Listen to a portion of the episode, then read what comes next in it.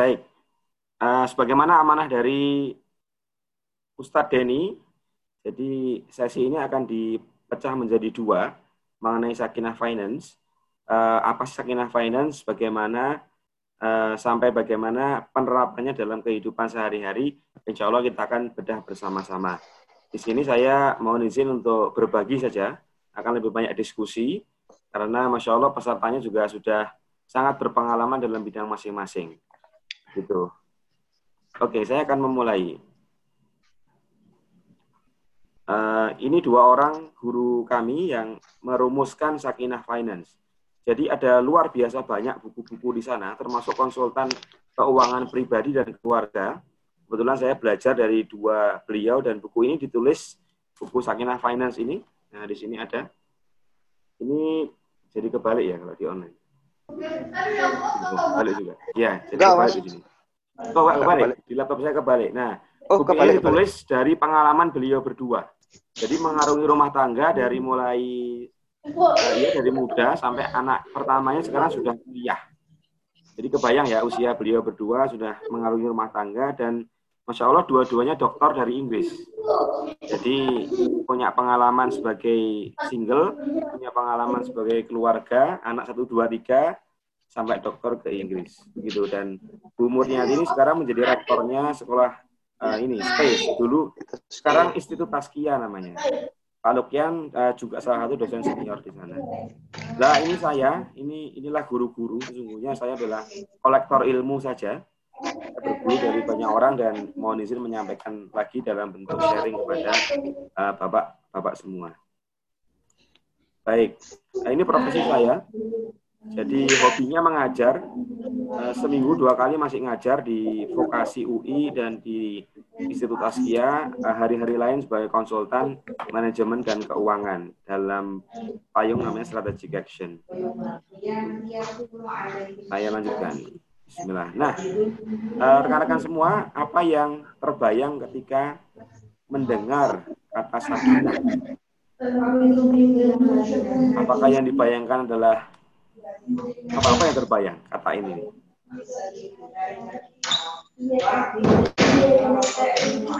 Apakah sakinah itu merupakan kata kerja, kata benda, kata sifat?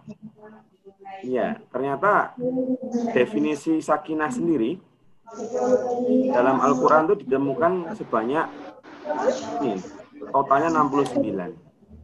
Asal katanya dari sakina, sakana yaskunu. Pada mulanya berarti sesuatu yang tenang atau tetap setelah bergerak. Ini anteng, tenang itu namanya sakina.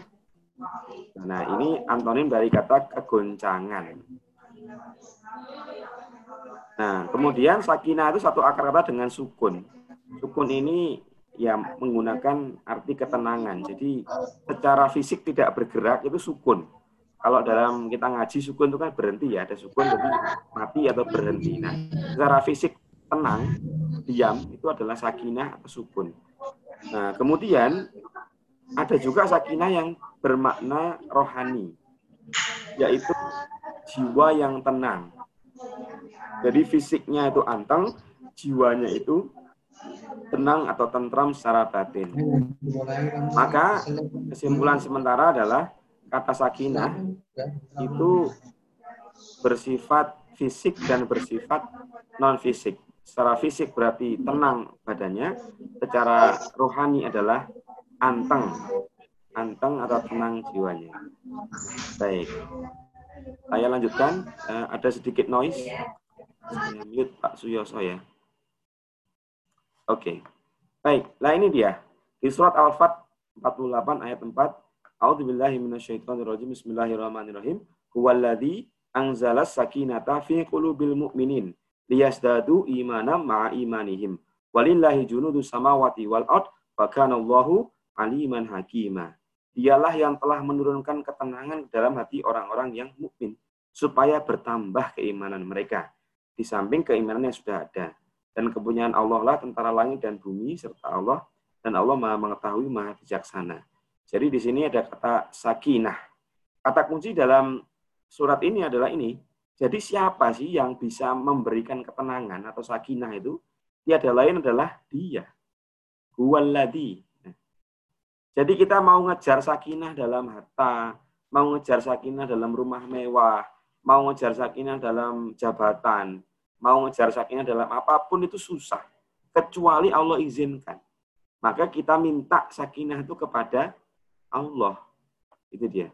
Jadi kita yang meminta sakinah kepada Allah dan dialah yang menurunkan. Gitu.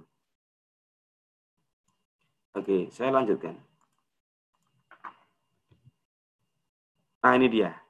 Juga ternyata ketenangan ini ada dalam zakat. Kul, ambillah min amwalihim sodakotan. Tutohiruhum wa tuzakihim biha alaihim. Inna sholataka sakanun lahum. Wallahu sami'un alim. Jadi ini diambil zakatnya biar tentram jiwanya. Ini mumpung pas nih Ramadan biasanya puncak-puncaknya penerimaan zakat bagi lembaga zakat monggo zakat fitrahnya, zakat malnya silakan untuk ditunaikan. Ini juga nih. Nah, ini kalau ini sudah hafal semua nih Bapak-bapak dan Ibu-ibu ini. Wa min ayatihi an khalaqalakum min anfusikum aswaja litaskunu. Nah, ini sakinanya.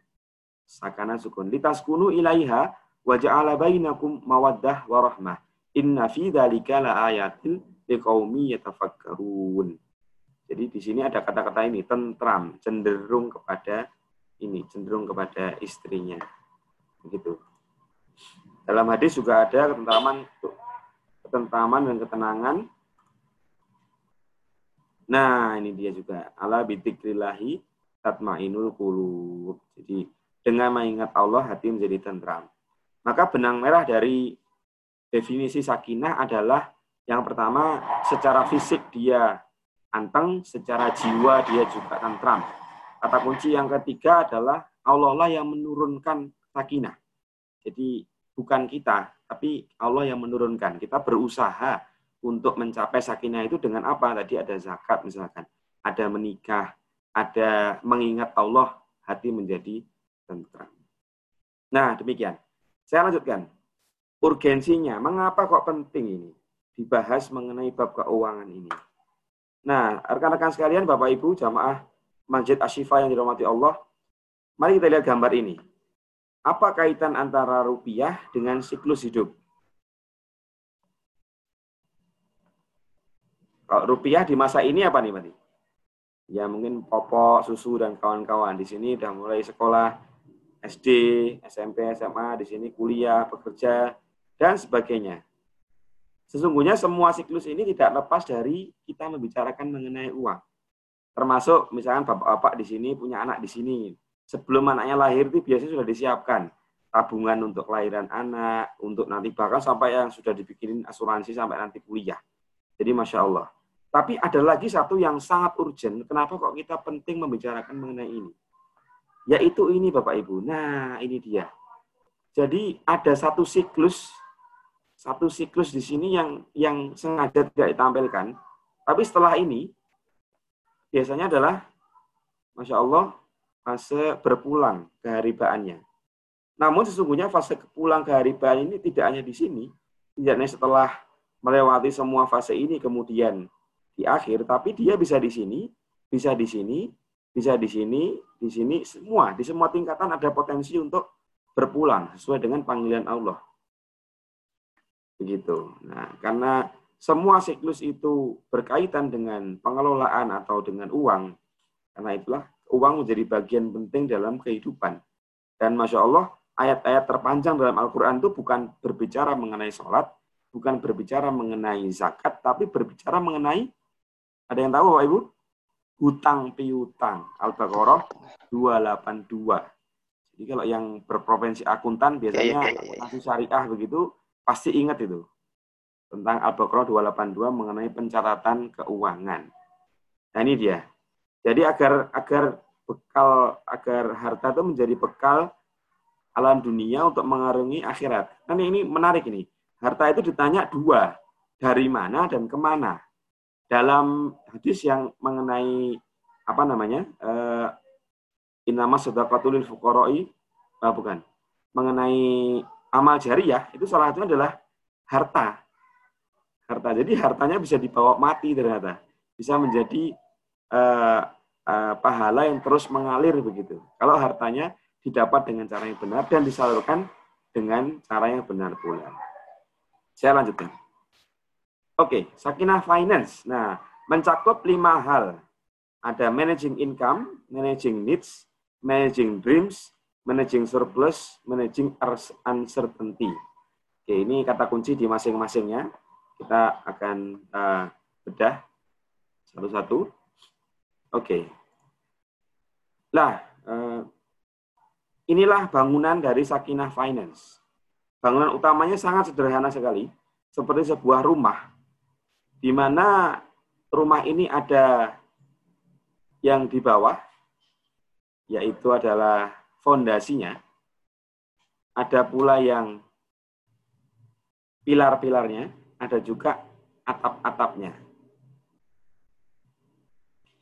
Baik, saya lanjutkan. Bangunan yang pertama atau pilar yang itu fondasinya adalah managing income. Nah, managing income ini e, pembahasan yang sangat penting karena apabila sudah selesai di managing income, kira-kira setengah lebih dari konsep Sakinah Finance atau konsep uh, pengelolaan keuangan itu sebenarnya sudah selesai. Sakinah Finance. Nah, apa sih prinsipnya? Intinya kan semua boleh ya. Semua pekerjaan itu dibolehkan kecuali yang dilarang. Maka rambu-rambunya cuma tiga ini. Rambu-rambunya adalah income-nya harus kudu wajib untuk halal. Gitu. Yang kedua adalah toyib. Berarti halal ini terkait dengan zatnya, toyib ini terkait dengan cara memperolehnya, dan niatnya betul. Jadi luar biasa ternyata apa namanya ya sedekah yang paling utama itu justru kepada keluarga.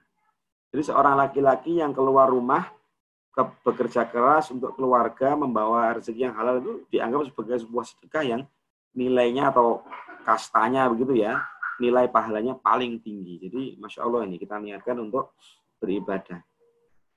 Tentang manajemen income, maka silahkan refleksi. Jadi pertanyaan refleksinya adalah um, apa atau dari mana sumber-sumber yang masuk ke dalam dompet kita. Silahkan dicek masing-masing, silakan di, uh, ditanyakan pada diri sendiri, adakah sumber-sumber itu sudah terbebas dari hal-hal yang tidak diridhoi oleh Allah Subhanahu wa taala. Saya lanjutkan. Jadi uh, hari ini kita akan sampai pada bangunan ini saja.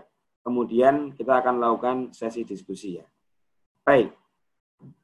Setelah memastikan bahwasanya income-nya ini beres, income-nya ini sudah niatnya betul, cari rezekinya, halalnya betul, toyibnya betul, maka yang perlu kita perhatikan adalah ini, managing needs, kebutuhan. Dalam bahasa makosid adalah doruriyat. Apa yang paling darurat? Nah, silakan Bapak Ibu untuk cek.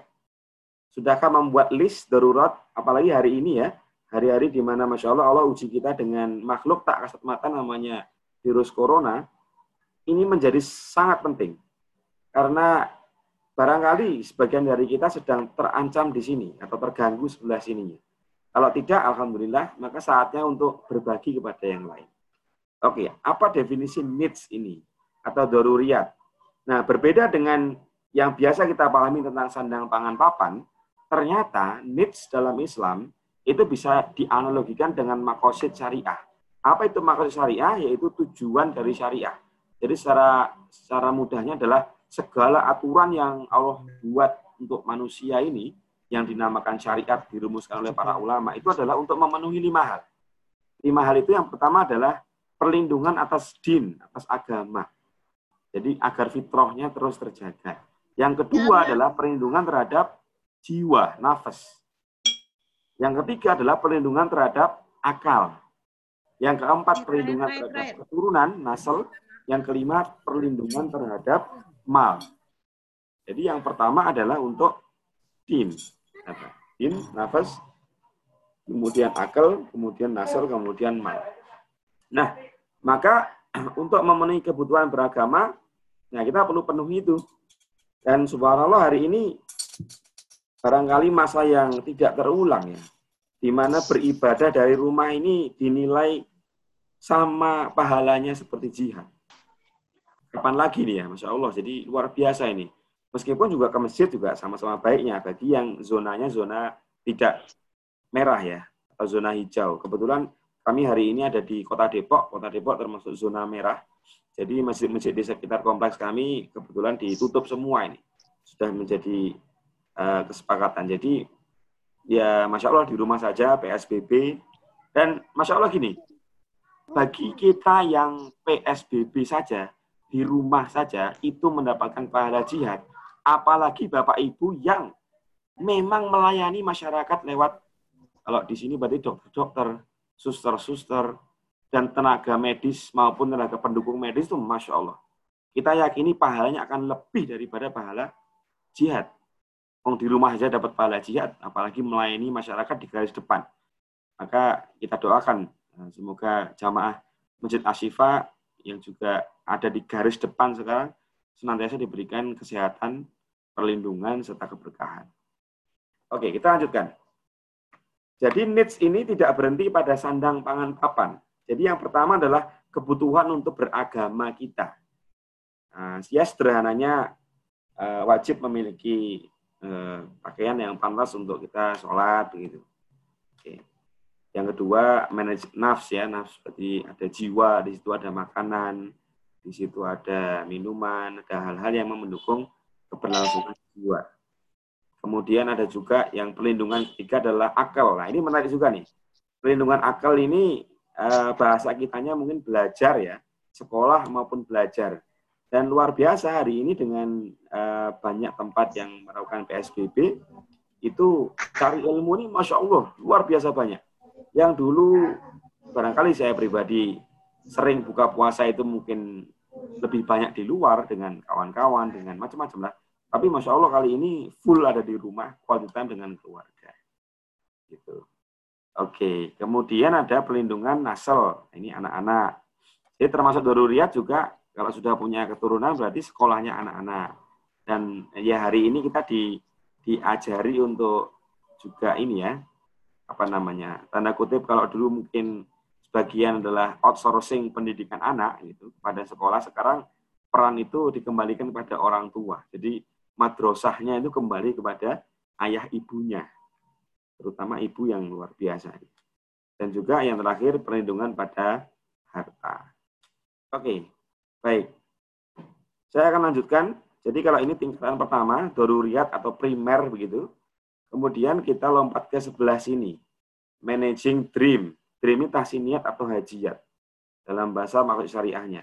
Uh, agar mudah memahaminya kira-kira gini.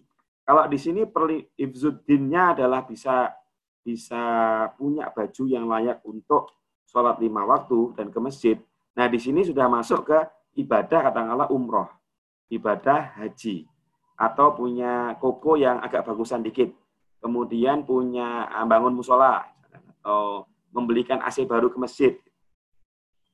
Terus kemudian makanan ya, di sini needs-nya ya makanan katakanlah senilai pecel begitu ya. Nasi pecel sekali makan sepuluh ribu.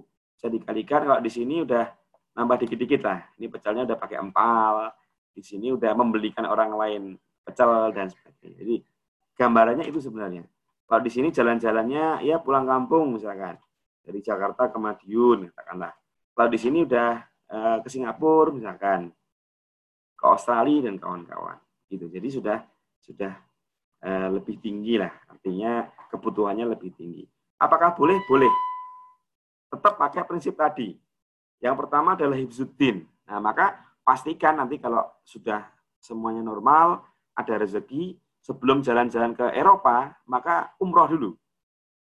Kira-kira sama ya sama-sama kira-kira 20 jutaan begitu. Sebelum ke Eropa pastikan sudah umroh dulu. Nah itu sebagai perwujudan bahwasanya kita menjaga maksud syariah. Gitu. Di sini misalkan yang wajib bagi suami menyediakan rumah atau tempat berteduh. Kalau di sini masih masih kontrak, nah maka di sini sudah memiliki rumah, mulai nyicil katakanlah. Gitu. Jadi kebayang ya, semoga dapat dipahami nih daruriyat itu seperti apa, dream itu seperti apa. Gitu. Nah, di antara kedua ini, ini ada yang namanya surplus atau defisit. Nah, mari ini pertanyaan ini. Hari ini ada saudara-saudara kita yang Masya Allah punya banyak kondisi. Ada kondisi yang Alhamdulillah masih diberikan rezeki, terutama pendapatan gitu yang ajak, yang bekerja sebagai karyawan, mungkin PNS, juga di dokter dan sebagainya yang menerima masih menerima income. Tapi tidak sedikit saudara kita yang uh, karena ada pembatasan macam-macam secara fisik nggak bisa ke mana-mana, sehingga uh, sangat sangat terasa betul dampaknya. Ada juga sebagian yang sudah menerapkan perencanaan keuangan misalkan dalam bentuk dana darurat. Dana darurat ini masuk ke sini sesungguhnya. Dana darurat misalkan kalau enam bulan tidak ada income, kita masih bisa memenuhi yang kebutuhan yang sebelah sini. Anak masih bisa sekolah, masih bisa makan, masih bisa ya untuk darurat lah. Gitu. Tapi sebagian sedang tidak bisa. Nah, mari kita asas diri sendiri. Sudahkah kita atau di manakah kita dan apa yang bisa kita kontribusikan bagi yang lain. Oke. Dan terakhir adalah atap. Analogi atap itu memang untuk pertahanan. Nah, tadi nyambung dengan yang ini. Dalam perencanaan keuangan itu ada satu bab yang dinamakan mengenai dana darurat. Dana darurat ini berarti ya ya barangkali yang hari ini kita bisa sama-sama lihat uh, mungkin sebagian dari saudara kita sudah siap dengan dana darurat itu baik pribadi maupun bisnisnya. Tapi bagi bisnis yang tidak punya dana cadangan, ini luar biasa sampai harus me melakukan pengurangan karyawan ya. Dan ya luar biasa di berita tuh Adin bilang ada ya 2 juta atau sampai 15 juta yang kehilangan pekerjaan di saat yang tidak mudah ini. Gitu. Juga di sini ada hal lain misalkan asuransi, asuransi syariah tentunya ada untuk pendidikan anak eh, dan sebagainya. Juga satu lagi jangan dilupakan dalam konsep Islam juga ada namanya social insurance. Apa itu? Yaitu baiknya kita dengan tetangga, care-nya kita terhadap sesama, sedekah-sedekah kepada orang lain itu sesungguhnya merupakan perlindungan. Oke. Baik Bapak Ibu, sementara sampai di sini dulu paparannya, kita langsung saja kepada sesi tanya jawab.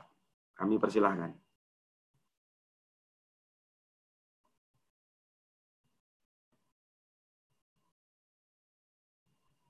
Ada yang mau ditanyakan Bapak Ibu?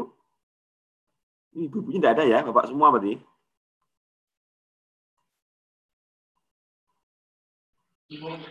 Monggo Mas Edi mau nanya. Silakan.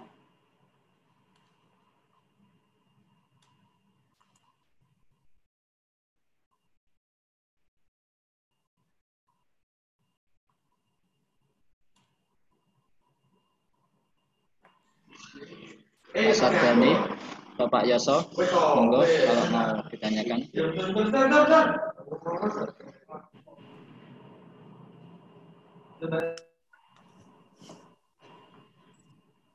Ini ada Monggo Pak, langsung audio boleh, pakai chat juga boleh, silahkan. Assalamualaikum Pak Andi. Waalaikumsalam warahmatullahi wabarakatuh. Gimana kabarnya sehat ya? Alhamdulillah. Kangen pulang kampung ini, Pak. Oh, ngerti ngono aku neng gone sebelah nah ya. Lah iya, uh. Pak Jokowi boleh pulang kampung nggak boleh mudik. Nah.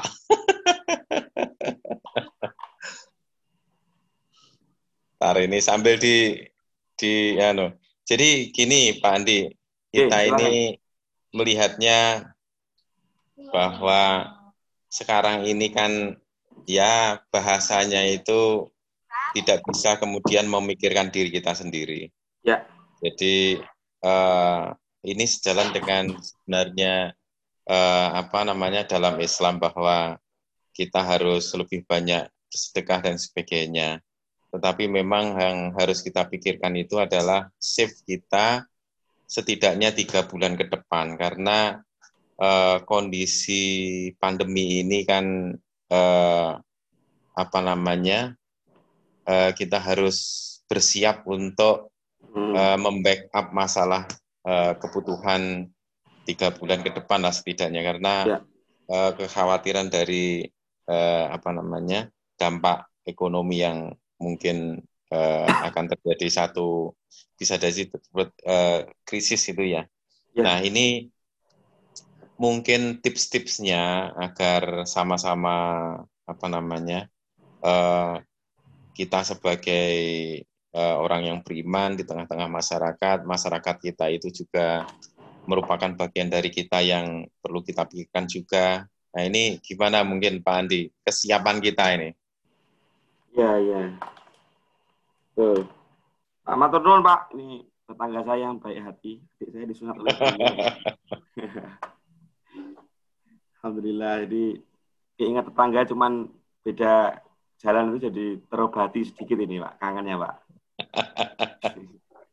ya, terima kasih Pak pertanyaannya. Uh, ya sesungguhnya yang di lapangan lebih tahu, lebih bisa menjawab. Jadi saya mohon izin aja Pak, yang saya juga tahu bagaimana di sini. Secara umum, ada beberapa tips nih Pak. Nah, saya coba buka dari sini.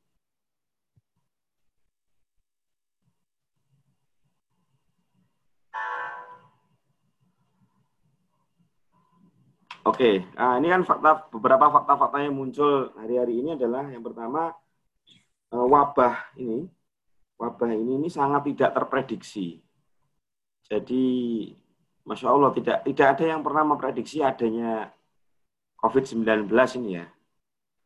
Hmm, jadi di perusahaan ataupun di yang lain tuh jarang ada yang sudah mensimulasikan manajemen resiko ini apalagi misalkan uh, ada sahabat kita juga yang di sini Pak Bayu ini di perusahaannya itu perminyakan itu sampai harganya sekarang minus Pak. Itu kan goncangan luar biasa itu yang pertama. Yang kedua adalah hmm, mengenai ini ada potensi semoga tidak benar tapi mungkin juga terjadi. Setelah gelombang COVID-nya selesai ada gelombang new normal. Jadi kayak meeting ini nih dulu sangat langka ya, tapi hari ini semua tiba-tiba Zoom gitu. Semua tiba-tiba pakai Google Meet dan sebagainya. Artinya bekerja yang online ini menjadi sesuatu yang akan normal pada beberapa uh, sektor-sektor. Mungkin sebagai sektor lain juga tidak bisa. Kemudian recovery-nya betul tadi Pak, bahkan ada yang prediksi lebih Pak. Saya ikut beberapa juga sesi dengan uh, pembicara yang lain itu sampai mungkin 12 bulan siklusnya. Dan itu normalnya normal yang berbeda dengan normal yang biasanya. Begitu. Ada yang pernah membandingkan dengan situasi tahun 98 UKM UKM masih sangat kuat bertahan karena yang terdampak lebih kepada korporat yang uh, keuangan. Tapi sekarang masya Allah banyak sekali dan semuanya terdampak betul ini pak. Yang akibatnya apa banyak di antara atau sebagian sahabat-sahabat kita income-nya berkurang atau hilang. Dan sebagian adalah income-nya harian, Pak. Jadi kalau tidak keluar rumah, mau ikut PSBB ini dilematis. Keluar nanti di apa namanya katanya tidak tidak mengikuti anjuran pemerintah di rumah saja juga bukan solusi karena bisa jadi kelaparan duluan daripada kena corona begitu. Jadi situasi serba dilematis. Biaya kesehatan, biaya sosial. Nah, maka ini pertama rem pribadi dulu ya sebelum masuk ke sharing kepada yang lain. Rem pribadinya adalah mari kita cek betul apa-apa yang memang itu masuk ke doruriat ini untuk kita. Konsumsi-konsumsi yang yang selama ini barangkali kita sempatkan eh, ada beberapa yang tiba-tiba langsung terdampak. Misalkan biaya jalan-jalan ke mall misalkan. Itu langsung hilang gitu pak ya. Karena mallnya tutup. Itu nah itu berarti kita bisa kurangi dengan segera. Biaya jalan-jalan ke mana misalkan? Ya ke Magetan, ke Ngawi dan sebagainya. Itu juga bisa langsung dihilangkan. Nah maka kita hitung dulu kebutuhan yang sangat mendasar bagi keluarga kita. Di situ tadi ada untuk ibadah ya, Iya, alhamdulillah kita semua insya Allah untuk alat-alat ibadah sudah aman, zakatnya juga aman gitu. Kemudian nafas tentang konsumsi sampai seberapa kita bisa aman.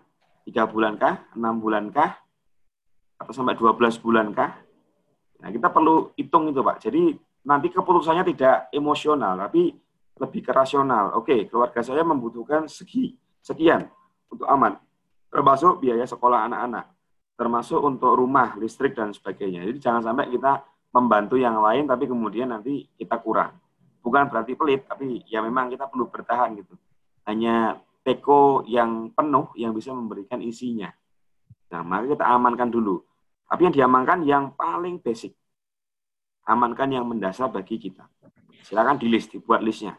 Sekolah, listrik, air, dan sebagainya itu silakan dibuat list. Nah, kemudian ada hal-hal yang jadi kira-kira hari ini tuh ada tiga, tiga hal yang ada di depan kita, yaitu sesuatu yang bisa kita kendalikan, dalam kendali kita. Yang kedua, sesuatu yang bisa kita pengaruhi. Yang ketiga, sesuatu yang di luar kendali kita. Wabah ini tentunya di luar kendali kita. Ini memang sudah menjadi sunatullah akan terjadi seperti ini ya. Eh, dalam membahas ini kemudian saya ingat di akhir-akhir juz 28 itu juz 28 itu banyak yang ini uh, sabahalillahi ma fis samawati wal ard. Jadi sedang bertasbih ini. Semua yang di langit dan di bumi ini sedang bertasbih. Saya kok meyakini juga, ini corona ini lagi bertasbih dengan cara dia sendiri. Sesuai dengan sunatullah dia sendiri. Ya, memang sunatullahnya gitu. Menginfeksi yang dia virus. Itu kalau dia tukang pecel kan bikin pecel ceritanya. Nah, maka kita juga harus berpikir ini. Sama-sama sabaha juga kita, Pak. Kita mensucikan Allah juga ini. Tentunya dengan uh, petunjuk atau contoh dari Rasulullah SAW. Jadi mari kita sama-sama berpikir. Nah itu yang pertama, yaitu sesuatu yang bisa kita pengaruhi. Apa yang bisa kita pengaruhi? Pikiran kita dulu. Jangan ikut-ikut stres. Ya pasti ada stres, ya di rumah terus juga judek ya. Rumahnya ini Pak, rumahnya apa namanya dekat gitu, ke mana-mana dekat. Jadi ke kamar dekat, ketemu lagi kan gitu ya. Iya begitu. Jadi tapi setidaknya kita memang harus stay positif. Kendalikan pikiran dulu. Yang kedua ini Pak, kendalikan ini kita. Needs-nya. Nah setelah kita punya hitungan, oke okay, untuk bertahan 6 bulan katakanlah tanpa 3 atau 6 bulan tanpa kita mendapatkan income, sekuat apa kita. Nah kemudian kita alihkan anggaran-anggaran untuk sebelah sini, ya kan ini haji juga belum tentu pasti ya tahun ini ada atau tidak kalau jalan-jalan ke tempat lain sudah pasti nggak ada. Itu alihkan sebisa mungkin kepada yang tadi sesuai dengan pertanyaan, ayo kita bantu sesama. Gitu. Nah, kita perlu cek nih makanya, Bapak-bapak sekalian. Di sebelah kanan kiri kita yang paling dekat kan, maka konsep kuang fusakum wa ahlikum naro itu. Jadi yang paling dekat diselamatkan dari api neraka juga yang dari paling dekat, keluarga kita dulu, juga untuk membantu pastikan juga sebelum yang jauh-jauh kita cek keluarga kita. Kita cek keluarga istri. Kita cek lingkaran-lingkaran. Jadi dari situlah kita bisa membantu yang lain. Termasuk Bapak Ibu, teman-teman kita yang pada pivot bisnisnya ini. Yang dulunya misalkan jualan apa? Jualan baju ya. Ini hari ini siapa yang kepikiran mau jual mau beli baju nih? satu dua lah tapi tapi tanah abang ini juga masya allah luar biasa. Yang dulu itu dari mulai awal Ramadan itu nggak bisa masuk pak karena sudah banyak sekali orang. Kalau pedagang sudah mungkin tiga bulan.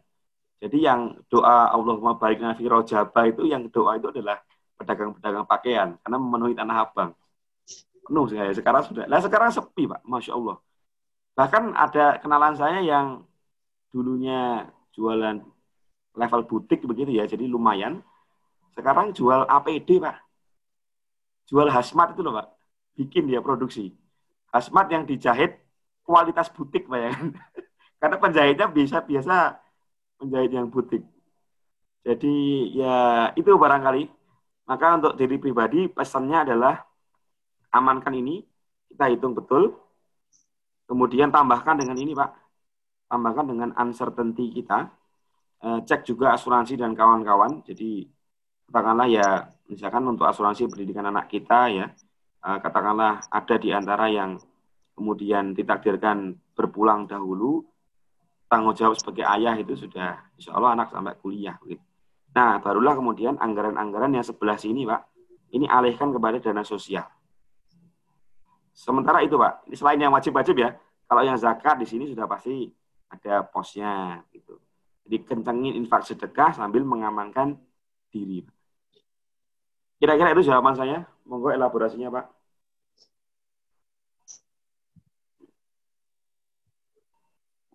Monggo. Ya sudah puas.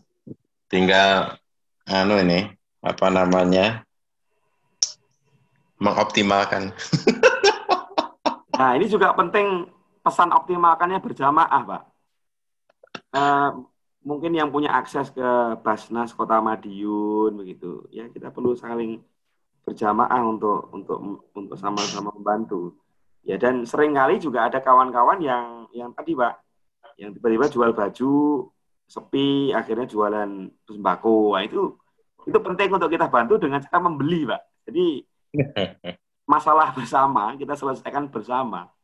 Itu kan yang halus betul ya. Mungkin ya Bapak Ibu sudah sudah bagian dicabri kawannya tiba-tiba nawarin aku jual kue ini silakan beli. Ya itu juga pasti perlu bantuan sesungguhnya. Cara membantunya juga sederhana aja beli saja produknya tanpa menawar gitu pak. Sudah sudah sangat melegakan ya meskipun juga belum komprehensif. Tapi setidaknya ya itu yang bisa kita lakukan ya. Gitu. Tapi anu ya tidak tersistem ya. Artinya sejauh mana kontribusinya itu kan enggak enggak terukur itu ya Hmm, menurut Bapak bagaimana agar lebih terukur nih konteks Madiun nih Pak? Nah, terus terang juga.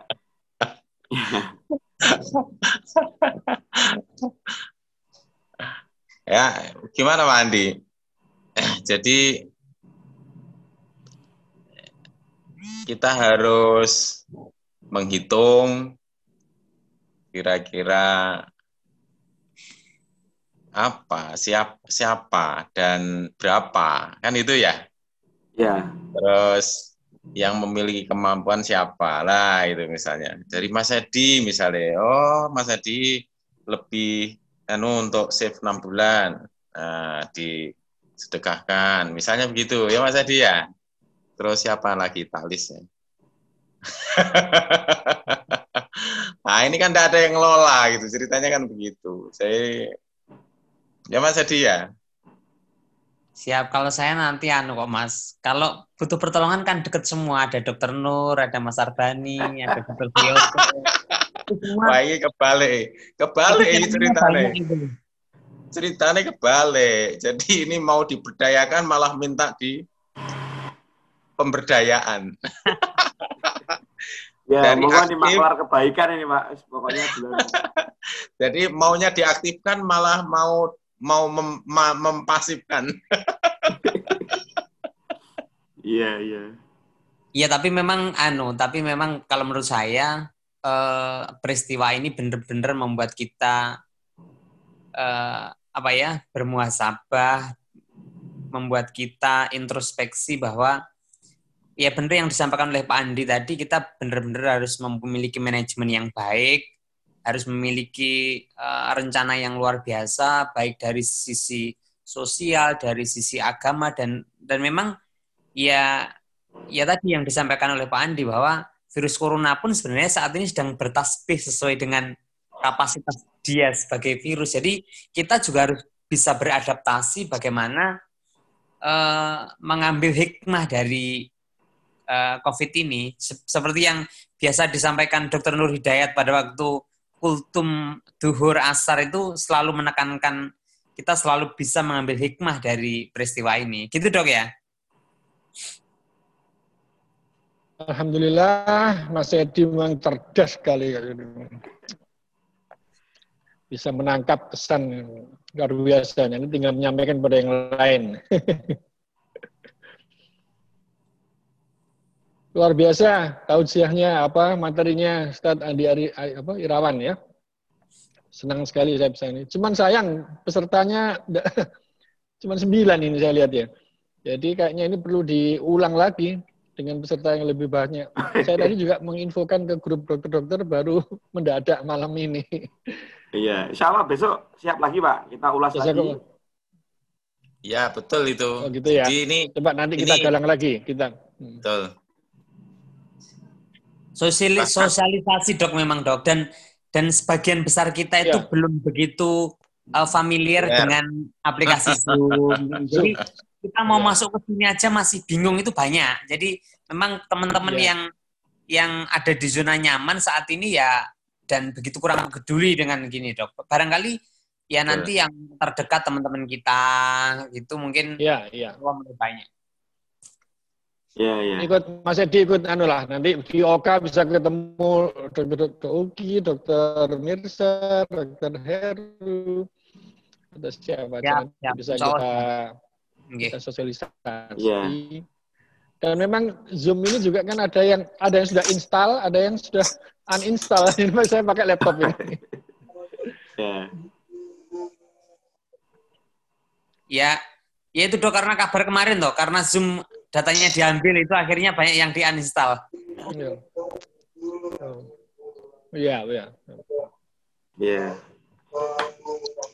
Sunat sunatnya sepi Pak Andi. Nah, betul, Pak. Hari ini sunatnya nanti dulu lah setelah ini, Pak. Lampu mati. Lampu mati. Ini sahabatnya Pak Nur yang di Jakarta yang ya. punya Dokter Mahdian ya, itu juga. Mahdian Nasution. Ya. ya, beliau juga ini Pak, jualan masker, jualan sanitizer, jualan ini. Jadi karena Jadi, kliniknya kan. Memang, iya, iya. Ya, Betul, padahal ini sebenarnya banyak yang libur nih. Menghidupi segitu banyak pasukan, Pak. Kalau sunatnya tiba-tiba, wes nanti aja ya, selesai ya. corona lah. Padahal musim sunat bentar lagi nih, Pak ya. Jadi saya kira semua semua bidang mengalami uh, gangguan ya atau mengalami penurunan. Jadi hikmahnya pasti ada. Tadi saya cukup Gonan Isa. Turunannya, sorry sorry. Saya ulang lagi. Jadi saya tadi potong rambut ya. Itu tukang cukur juga mengeluhkan begitu. 50 persen ininya apa klien atau pelanggannya itu menurun. Loh, lah kan banyak SD yang sekolah yang libur. Iya Pak, justru karena libur itu mereka lebih suka gondrong karena tidak ada gurunya yang ngawasi kan gitu. ya, jadi mesti mesti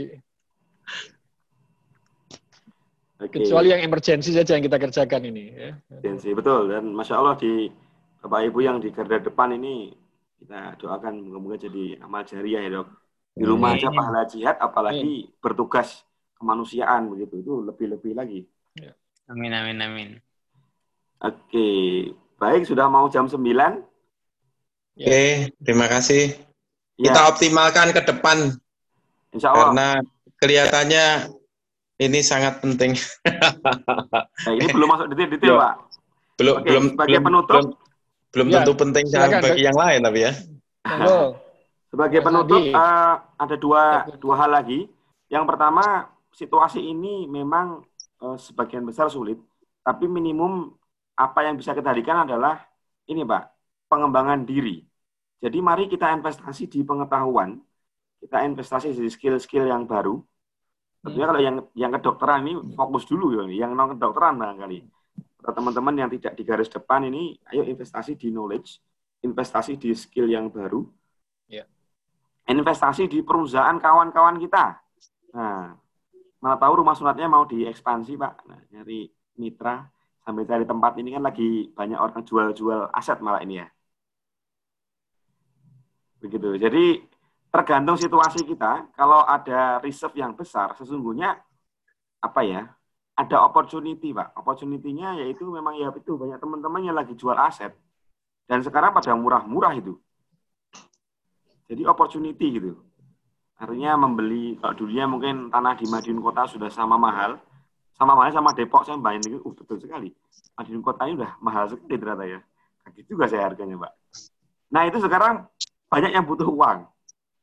Cicilan-cicilan di bank itu pasti banyak yang mandek gitu. Dan itu kalau memang ada cash yang kuat, itu bisa dipakai untuk macam-macam. Jadi membeli aset, mengoptimalkan usaha, bahkan juga bisa bisa pivot ini. Dalam artian kalau dulu hanya misalkan menjadi uh, profesinya dokter sekarang wah ternyata jual APD itu menarik juga ya. Jadi patungan. Bikin uh, apa namanya uh, apotek misalkan atau wah kalau gitu kita aja distributornya. Madiun itu juga bisa. Jadi tergantung situasi tadi pak. Ada yang memang nah yang kedua adalah karena ini masalah berjamaah maka penyelesaiannya juga perlu berjamaah jadi kita perlu galakkan eh, ekonomi berbasis eh, gotong royong atau silaturahim. Apa maksudnya? Ini eh, saya ambil contoh yang paling terdampak katakanlah yang travel ya pak, travel haji umroh ini kan dahsyat luar biasa ini. Tidak ada income langsung pak, zero income. Eh, bagaimana untuk mengatasi zero income ini? Nah ini perlu perlu saling komunikasi, saling ngomong. Artinya gini, kalau dia tidak bisa memberangkat jamaah, bagaimana karyawan dia bisa bertahan. Nah, tapi dia punya kelebihan. Kelebihannya dia punya database, Pak. Dia punya database orang-orang yang sudah pernah haji atau umroh dengan biru itu atau dengan KBIH tertentu. Nah, mari kita saling cross. Saling cross itu. Jadi yang punya vitamin, yang punya itu cross jamu misalkan, saling mengcross. Sehingga bisa bisa ekonominya diselesaikan dalam berjamaah. Termasuk juga situasi ini memang mayoritas terdampak dan sifatnya adalah bisnisnya terdampak menurun begitu. Tapi sebagian yang lain juga sedang naik ini. Begitu. Misalkan pembelian sambal pecel online, wih lagi tinggi-tinggi ini, Pak. Saya pun impor dari Madiun ini, Pak. Beberapa kilo nih saya impor.